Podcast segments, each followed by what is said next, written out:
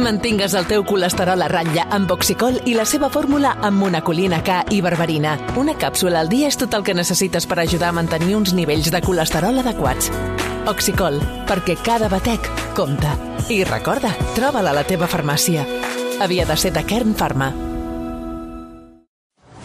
Via Lliure. Podcast. Au village sans prétention, j'ai mauvaise réputation. Je me démène ou je reste quoi Je passe pour un je ne sais quoi.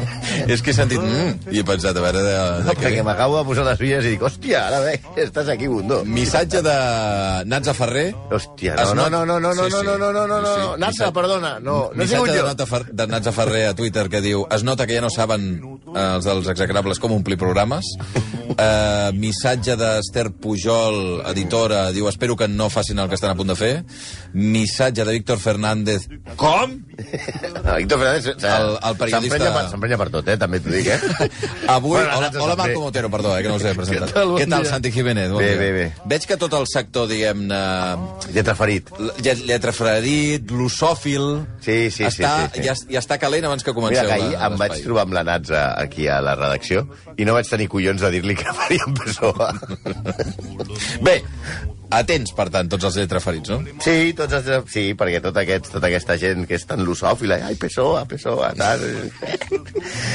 eh, a veure, s'ha de dir, i aquí ja ens posarem una, una tirita preventiva, que hi ha molta gent entre aquests que ens han dit eh, que defensen que el nostre personatge d'avui és un dels millors escriptors de la història. I segurament tenen raó, perquè a més a més de pensar-ho, la Natza, el Víctor, l'Ester i moltíssima gent, també ho diu un tio a que tothom li fa cas. Un tio que es diu Harold Bloom, que ningú té ni puta idea qui és, o molt poca gent té molta idea, poca idea qui és, però jo us explicaré. És un senyor que va inventar els insecticides i que té una cara permanent d'anar a fer caca i que no li surti.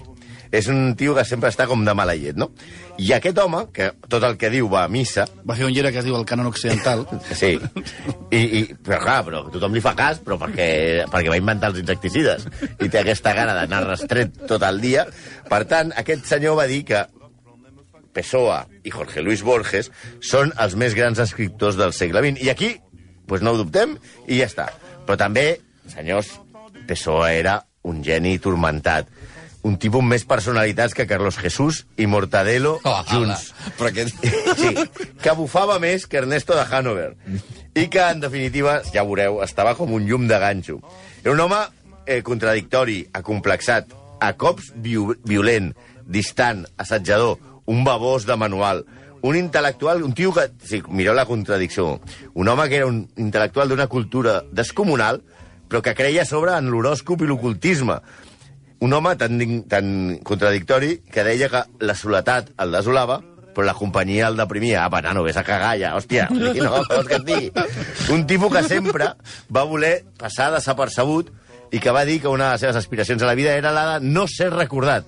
Però ara és el símbol d'un país, Portugal, i d'una ciutat, Lisboa, on milions de persones, que no és la Natza, ni l'Ester, ni el Víctor, eh, que ni l'han llegit ni l'han entès, es fan fotos i selfies a l'estàtua aquesta que té a la, a la plaça del Quiado, perquè tots els que heu anat a Lisboa us heu fet davant del Cafè Brasileira, al Quiado, la foto amb l'estàtua de, de Pessoa.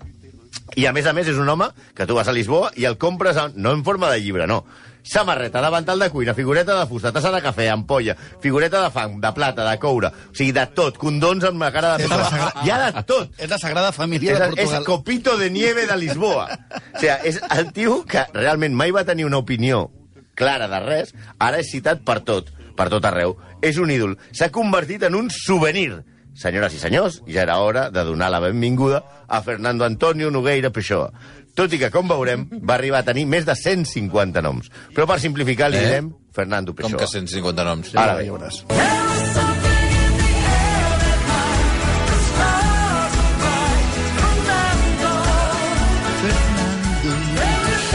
La setmana passada començàvem amb King Africa, ara us torturarem Però amb una de Fernando les... només perquè Fernando. es deia Fernando Pessoa. Home, No, què perquè- més? Bé, música Perquè farem, portuguesa, és un, és un una cosa... subtil Emilio homenatge no? que només pillaran eh, la gent molt basada en Pessoa. Seran cançons famoses, però no, que no canten els seus autors. Ah, està bé. Eh? Està Per, bé. per canviar, per fer... Per girar una miqueta. Per girar una No, mica. i el que deia, que la setmana passada van començar en King Africa per mantenir el nivell Sí. pues ara una de les pitjors cançons de la història i a sobre cantada per Cher. No, però que ens serveix per entrar en matèria del nostre Fernando, a l'origen del qual es situen a Lisboa el 13 de juny. Festivitat de Sant Antoni, que per aquesta raó al nostre xaval li posen Fernando Antonio.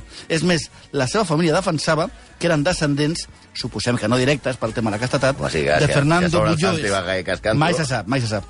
Després conegut com Sant Antoni de Pàdua o Sant Antoni de Lisboa, patró de les que busquen parelles, el patró de Tinder, i dels subjectes extraviats i dels celíacs. Primera dada inútil del Sí, dia. és increïble que els celíacs tinguin un patró, però mira, el tenen. Ni Sant Antoni de Pàdua. Des de petit va estar marcat pel drama familiar. El seu pare era funcionari públic. Bé, això no és un drama, és una cosa normal. El seu pare, més de funcionari públic, era crític musical del diari de notícies. Tampoc és que sigui un drama. O sigui, però perquè aleshores la música era una cosa més o menys seriosa i no existia el grup APA. De fet, la vida familiar de Fernando, i aquí és on comença el drama, dona un tom quan el pare mor, quan el nen Fernando té només 5 anys i la mare es queda sense recursos i es queda a càrrec de la iaia Dionísia, que patia demència.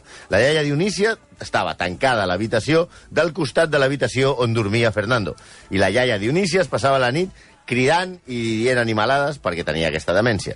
Això ja va començar a ve, veure que el nostre PSOE mm, ja anava malament de, des de petit. És un horror, eh? Sí, i a més a més que la família tenia un antecedent de demència. Eh, també hi vivien amb ells, segona dada inútil del dia, dues criades molt grans, Joana i Emília, i un germà, dada que no és inútil ni val a dir, que mor un any després que el pare de, de Fernando. Que bé, Sí, la, la situació econòmica de la família és insostenible. Els enterros són molt caros. això- I, la, i per això, Home, i per no? això Sou un desastre. la mare de Pessoa comença a subestar els mobles. O sigui, rotllo Wallapop o eBay, però en versió presencial. Es canvien de pis. Però és un drama absolut, eh? Total. O sigui, vinga, al principi- a col·locar mobles, ja, Exacte. no? Per, per, per poder Què vol- què viure. volen Sí, aquesta- amb, amb la iaia cridant a l'habitació, les, Sí. les dues criades grans... Què volen aquest llit? Aquí es va morir un nen, no? Aleshores, eh, es canvien de pis a una zona més modesta i allà és on el nen, que ja era raret i no tenia amics, s'inventa, alerta, la primera de les seves personalitats desdoblades. I ho fa en francès. Comença a escriure petites reflexions sota el nom de Chevalier de Paz. Ja sabeu, com l'estació d'Andorra. Amb sis anys, la cosa promet però millora de seguida. Per sortir d'aquest mal pas econòmic, la mare es casa per poders amb el comandant Joao Miguel Rosa, cònsul de Portugal a Durban, Sud-àfrica. I allà marxa tota la família. Sí, agafem el PSOE i se'n va a, Sudàf a viure a Sud-àfrica. Amb, amb un pare que no, que no coneix perquè s'ha casat per poders amb la seva mare. Comença a destacar el nano, no el pare, eh, i molt intel·lectualment. El tio és una bèstia, aprèn l'anglès, llegeix tota la biblioteca del col·legi, però segueix sent raret i no es relaciona amb ningú. Bueno, perquè llegeix, Accept- perquè té feina per rellegir. Mm, Sí, clar, o sigui, té molta feina i no te pots fer-ho, no, ja.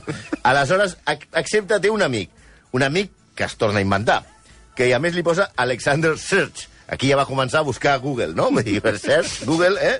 A més, eh? Quina festa. Oh. Amb ell manté una fluida correspondència. Com, a veure, a veure. No, Fluida què vol dir correspondència. correspondència? O sigui, era un, un amic inventat i què, què vol dir? S'enviaven Que s'envia cartes, ell amb ell. S'envia cartes a si mateix. I per això és fluida, perquè evidentment no havia de passar pel carter.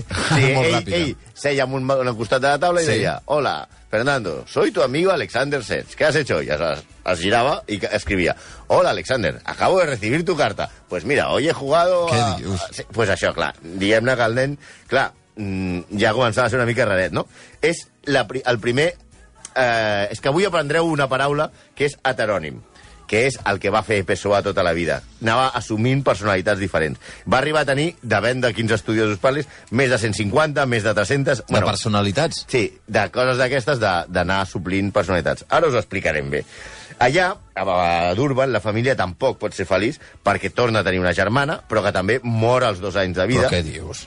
I aleshores tornen horrorós, tots a. Portugal amb un vaixell, que devia ser, no era precisament el crucero de l'amor, perquè tu vas amb un barco tornant de Sud-àfrica a Portugal i a la bodega va el cadàver de la teva germana. Què dius? Bé, Oh, pues- perquè la volien enterrar a Portugal. És la tercera, i ara veu la tercera dada absurda del dia.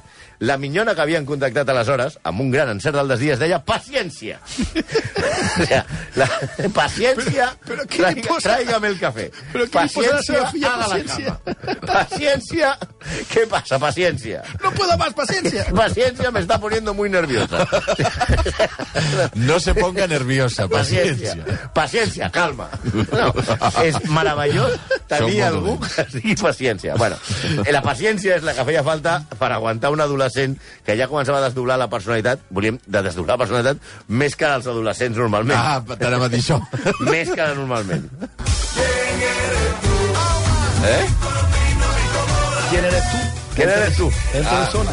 Quin eres tu? Perquè no, per el tema de la Ah, personalitat. exacte, perquè aquí radica tot el misteri de Pessoa, en els heterònims, com deia el Santi. A veure, primer us explicarem què és i després ho farem fàcil perquè ho pugueu entendre. Un heterònim Sí. és el nom primer, primer fals... farem la versió per la Natza i tal, després per la resta de la gent. Un heterònim és un nom fals que un autor utilitza per atribuir-se una producció literària. No és un pseudònim. És diferent. Per exemple, el terrorista Juan Jesús González Goñi era conegut com el Pajas. Ves a saber per què? No sé per què, jo se m'he preguntat. Però això... Per què? Això Juan és un- Jesús González Goñi. El El, pa- paja. Però- Per què serà el paja? M'és igual, ja està, vinga, Però no seguim se t'acudeix alguna cosa? No, no Mira, se m'acudeix he res i seguiu. Això és un pseudònim. És un pseudònim. Això és un pseudònim. Si un heterònim és quan l'autor es desdobla. un pseudònim, mal nom. Exacte. Mm. Un heterònim és quan l'autor es desdobla amb una personalitat consolidada, amb unes idees, i on fins i tot li posa una data de naixements i cal de defunció. És ell mateix, però Una- escriu, escriu diferent. És una altra per personalitat, vull dir, té com- atributs eh, personals diferents. D'acord. Exacte, no, no és un nickname. Machado ho va fer amb Juan de Mairena i Pessoa amb una enorme quantitat de noms que representaven maneres diferents de pensar, d'entendre la vida i d'escriure. Vale, aquesta és la versió culta. Ara us explicarem O per què ho ja ho entengueu. bueno, ja ho hem- ja Va, perquè tu entès, ets molt no? intel·ligent. No, molt jo no. tu ets molt S'ha- intel·ligent. s'ha entès, no? Ara, ara ho expliquem per l'audiència. Para Va, eso, va. va, para va, eso. va, va. Para eso. Podríem parlar, fent la, la, la història d'identitats secretes Clark Kent Superman, però no volem posar amb un compromís a l'Arnau Manyer, perquè té el secret que té, com tots vosaltres sabeu, que l'Arnau Manyer és el nostre productor, i no volem, no volem deixar-lo tirat. Bé, però a veure, us ho explico amb un altre exemple. Mania que teniu amb el Clark Kent Manyer, eh? Però tu l'has vist. A més, sempre que hi ha... No sé què- treballa, treballa al Daily Planet. Eh, Ahí estava Múrcia salvant gent. Bueno, a veure... Uh, us en recordeu de Joan Gaspar? Com no en recordes de Sí, Joan home. Gaspar? Joan Gaspar seria un exemple de terrorisme, eh? Tu recordes quan Joan Gaspar, soci, demanava la dimissió del Joan Gaspar president, però el Joan Gaspar president necessitava l'ajuda d'un Joan Gaspar vicepresident, i al final tot era un embolic de Joan Gaspar que semblava que no podia haver res pitjor, fins que ara ens hem adonat que pot haver-hi una cosa molt pitjor. Bé, doncs això, una mena de Joan Gaspar de la literatura. Jo sóc un gran defensor de Gaspar, grandíssim. Bueno, Pessoa... Como socio, yo me pediría la dimisión. Però Pero como presidente... necessitaria un vicepresident com jo. Bé, clar, Y por favor, dejen en paz al socio. por caridad humana. Per caritat humana. No, perquè a més que... Clar, Pessoa vol dir persona, en portuguès. Clar, això s'hauria de dir Pessoas, perquè eren moltes persones. Pessoa crea multitud d'heterònims. Però per no, per no liar-vos, va tenir quatre favorits. Sí. Álvaro de Campos, fort i hedonista, Alberto Caeira, un camperol que viu a Lisboa gairebé sense estudis, Ricardo Reis, home conservador enamorat de la cultura clàssica i monàrquic, i Bernardo Soares, que és el que més se li assembla. Tot això perquè ho feia. Uns diuen que per tal de crear un cercle literari com els que hi havia a París i Londres i que no trobava gent i se la inventava. No, home, no. A- O sigui, per altres- poder conversar sobre literatura, Clar, eh? Sí, sí, això, això hi ha gent que ha escrit llibres sobre la persona que diu com no hi havia cercle literari, Ja se'l va fer. ja se'l fa ell i així no surt de casa. la, la, la, la versió més estesa és que estava com una campana i altres, com nosaltres, perquè considerem que és molt útil. És que és molt molt útil útil. tenir heterònims. Sí, mira, per exemple, ell tenia l'heterònim aquest, Álvaro de Campos, que era, diguem-ne, el que hem dit que és la personalitat més arriscada. Aquesta personalitat, Álvaro de Campos, li solventa moltes paperetes. Mira, un dia Pessoa havia quedat amb l'escriptor José Regio, que és pseudònim, això sí, de José María dos Reis Pereira. Ja, sé què esteu pensant. A Portugal era el talego. Ningú es deia pel nom. O sigui, tothom tenia un mal nom i es deia així. Perquè això encara passa. Luis Filipe Maleira Caeira es diu Figo. Sí, senyor. Sí, i Pauleta no es diu Pauleta, es No. diu Pedro Antonio. Mm. L'únic portuguès honrat és André Gómez, que sí que es diu André Gómez i el coneixen com André Gómez. És veritat que tots els, tots els portuguesos són Sí, tots els- noms molt llargs i llavors tal. Tal, exacte, vale. Menys André Gómez, que segueix... I Nelson André Semedo. Gómez, Pobres. Vale. Nelson, Nelson Semedo es diu Nelson, Nelson Semedo. Sí. D'acord. El nostre home, a Pessoa, dèiem, va arribar a, amb hores de retard a la cita amb Regio. Davant l'emprenyament de Regio, que feia hores que l'esperava, arriba Pessoa i diu amb un parell de pebrots no, jo no sóc Pessoa, jo sóc ara Álvaro de Campos, i que sempre arribo tard. I vinc en nom de Pessoa, que diu que el disculpis perquè no pot venir. Ja. amb això et dius... I què fas ara? Pues Mà dius, oberta, mà oberta. Mà oberta, o dius, ala, anem a bufar, anem a la barra a bufar. Bueno, més, quan volia distanciar-se de, la, de la seva nòvia, tema que tractarem ara i que és per llogar-hi cadires, li enviava cartes signades per Álvaro de Campos. Ella, que flipava en colors, deia que odiava Álvaro de Campos, que li queia malament, però ell com si sentís ploure. Per no parlar de quan hi havia de manifestar opinions polítiques. Oh, això està En molt bé, tenia- eh, per això. En tenia a tots els Ah, colors. pots parlar del que vulguis. Ah, tu tenies un tertulià i et feia per tots. Ara? Sí, saps? Home, Ara, perdona, veus ara i- podríem fer-ho, això. Eh, Oh, ja un fa, vinga, ja. pam, pam, pam, pam. I ell depenia del, de l'heterònim que, que, que estigués al timó. És com aquell dirigent que no me'n recordo quin partit és, que abans eres socialdemòcrata i eres conservador, però al mateix temps. Oriol Cruz té heterònims no? El Cruz és Déu. Directament. Eh, home, jo crec que Bou i Vila seria el seu... Bou i Vila.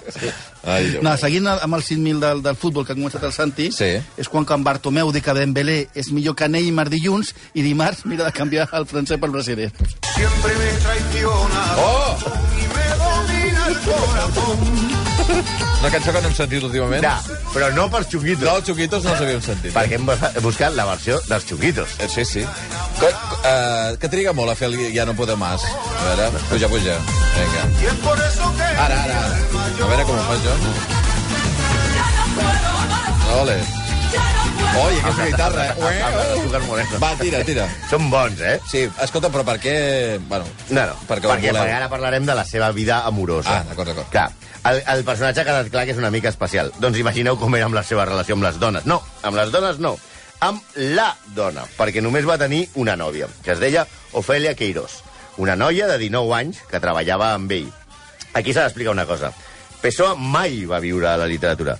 Vivia, com sabia anglès, de traduir a l'anglès documents mercantils per diverses empreses de, de Lisboa, que era un port molt important, aleshores és un port molt important, i aleshores havien de fer consignacions de, de documents per les exportacions a Anglaterra. Però una mena d'oficinista. Era un sigui, freelance que- oficinista. Clar, clar, clar, Com ningú clar. sabia parlar anglès, ell anava a una hora a una, a una agència de duanes i deia, què és?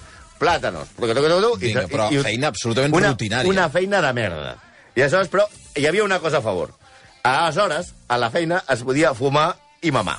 Veure, vull dir, eh? Sí. I això l'ajudava molt. Es fumava unes 80 cigarretes al dia Sí. i es fotia al dia una ampolla mínim d'aiguardent Àguila Real, que era la seva favorita. 70 graus d'alcohol a l'aparell. 70 graus. 70, sí. I ampolla diària, eh? Sí, no sé per què va morir jove, eh? bueno, però tornem al, al nostre Pessoa enamorat. Ell té 32 anys i Ofèlia 19. Coincideixen a la feina un dia i ell s'ho fa venir bé per quedar-se sol amb ella a l'hora de tancar. Hora de tancar vol dir final del dia. Vol dir que el poble portava més xupitos que el malo esperant el sèrie pel salón. I resulta que de cop i volta li va fer el que ara es coneix com un Plácido Domingo. A la pobra noia. Ja. Ell mateix ho explica en un poema. Diu, vaig tornar-me boig, ximple. Els meus petons no venien al cas. La vaig apretar contra meu. La vaig encerclar amb els meus braços. Vaig embriagar-me de braçades. Vaig quedar simple. Això va ser tot. Mira, pots, quedar, pots posar en rima o com vulguis. Vaig fer l'orangutà. Sí. Ja, va, la va intentar violar, diguem-ne, no? Sí, sí, sí. Vale. La vaig Ella, encerclar, però- òbviament, fuig corrents. Però, a veure, us en recordeu a l'estiu la Gemma Reu i la Marta Ramon van fer allò de la jaula de les loques Sí. sí. sobre la tendència aquesta femenina d'intentar salvar el malote? Resulta que a l'Ofèlia li fa gràcia al taradet que l'intenta violar i comencen una relació epistolar. I ella li escriu, cometes, penso molt en vostè i en que estic menyspreant a un noi, parlava del seu nòvio, que m'adora. Seré sincera, sincera. Em temo que aquest tra aquests transports d'amor seus, al tanto com qualifica un intent de violació. Transports d'amor. Transport d'amor. Sí, això vol dir... Sí, eh, en lloc de dir-li t'has posat mandril, vas més calent que una guilla, o m'has intentat violar, no, li diu transport d'amor. Transport d'amor. Siguin, aquests transports d'amor, siguin de poca durada. Fernandito, si vol tenir família, li prego que m'ho digui. Oh. Mira, bueno, Ell li contesta que no el tracti com un acusat. No? I no faci preguntes. Que maco. I funciona, tu. I sí, comencen a sortir. Nou mesos d'una relació en la què ni es toquen. Eh, aquí entren les teories de que Pessoa era sexuat o que no li agradaven les dones o que és molt, molt possible que anava tan mamat que ni s'enterava. Una mica igual, ja, Sí. sí. tal li feia. Sí, en aquests nou mesos ell escriu 48 cartes i hi ha 300. Hosti! Però en les 48 que escriu el gran intel·lectual es comporta com si fos Federico Mocha o un d'aquests youtubers que diuen bebé amb una sobredosi de gominoles. Una mica Genís Cinca. Escriu el tità de la literatura. Bebé, vine cap aquí. Vine al costat del teu petitó, als braços del petitó. Posa la teva boqueta a la boqueta del nen. I quan sospira que mira altres homes, li escriu dolenta, dolenta, dolenta. Uns assots són el que et mereixes. Bebecinya, Ofelinya, ets una vella i ets la mel. Això escriu PSOE? Sí, però nada, mamá, tía. A ver, ella, eh, ah, Bebecinya, Ofelinya, que ets una vella. ven aquí, hombre. I, I ella, en, en lloc de contestar amb aquest total, li, li respon quan et puc presentar a la família o dir que sortim junts? I aleshores l'altre surt amb això és propi de gent normal. I jo no sóc normal.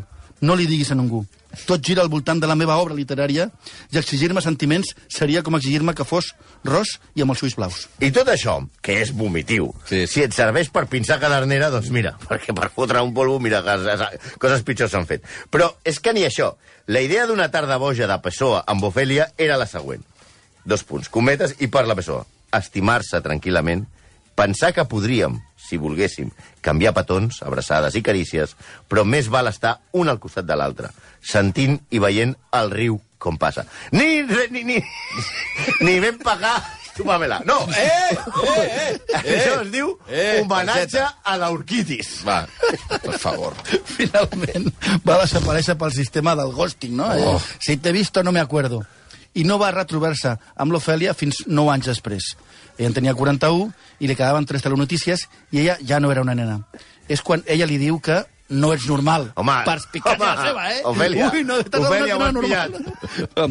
I ell li envia una foto seva bevent a una taverna amb una nota graciosa que diu Pessoa agaf agafat en flagrant de litre. Que De seria- litre. De litre, perquè ja, això ja, ell ho mesurava tot en litres. Ja. I ella només es limitava a dir-li, quan vagis a la tasca, mira de no anar amb l'estómac buit. O sigui, menja alguna cosa per, perquè puguis trajar.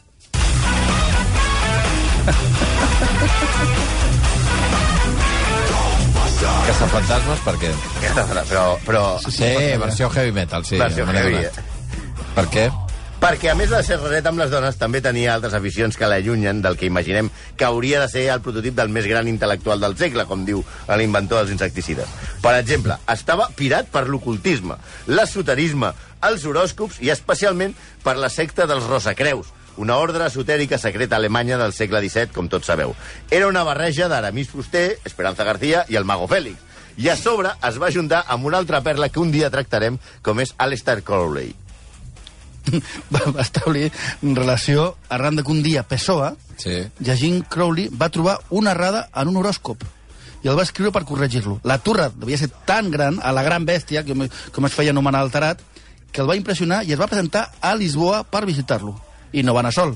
Va anar acompanyat d'una cultista alemanya anomenada Alerta Miss Jäger, una senyal divina per començar el matí amb xupitos. Miss Jägermeister. Ah, Jägermeister. Va, Què esmorzem avui? Vengo con Jäger. Tal era la seva dèria per l'horòscop que un dia la poetesa brasilera Cecília Meireles va anar a Portugal a fer unes conferències i va concretar una cita amb Pessoa. Van quedar a les 12. Sí.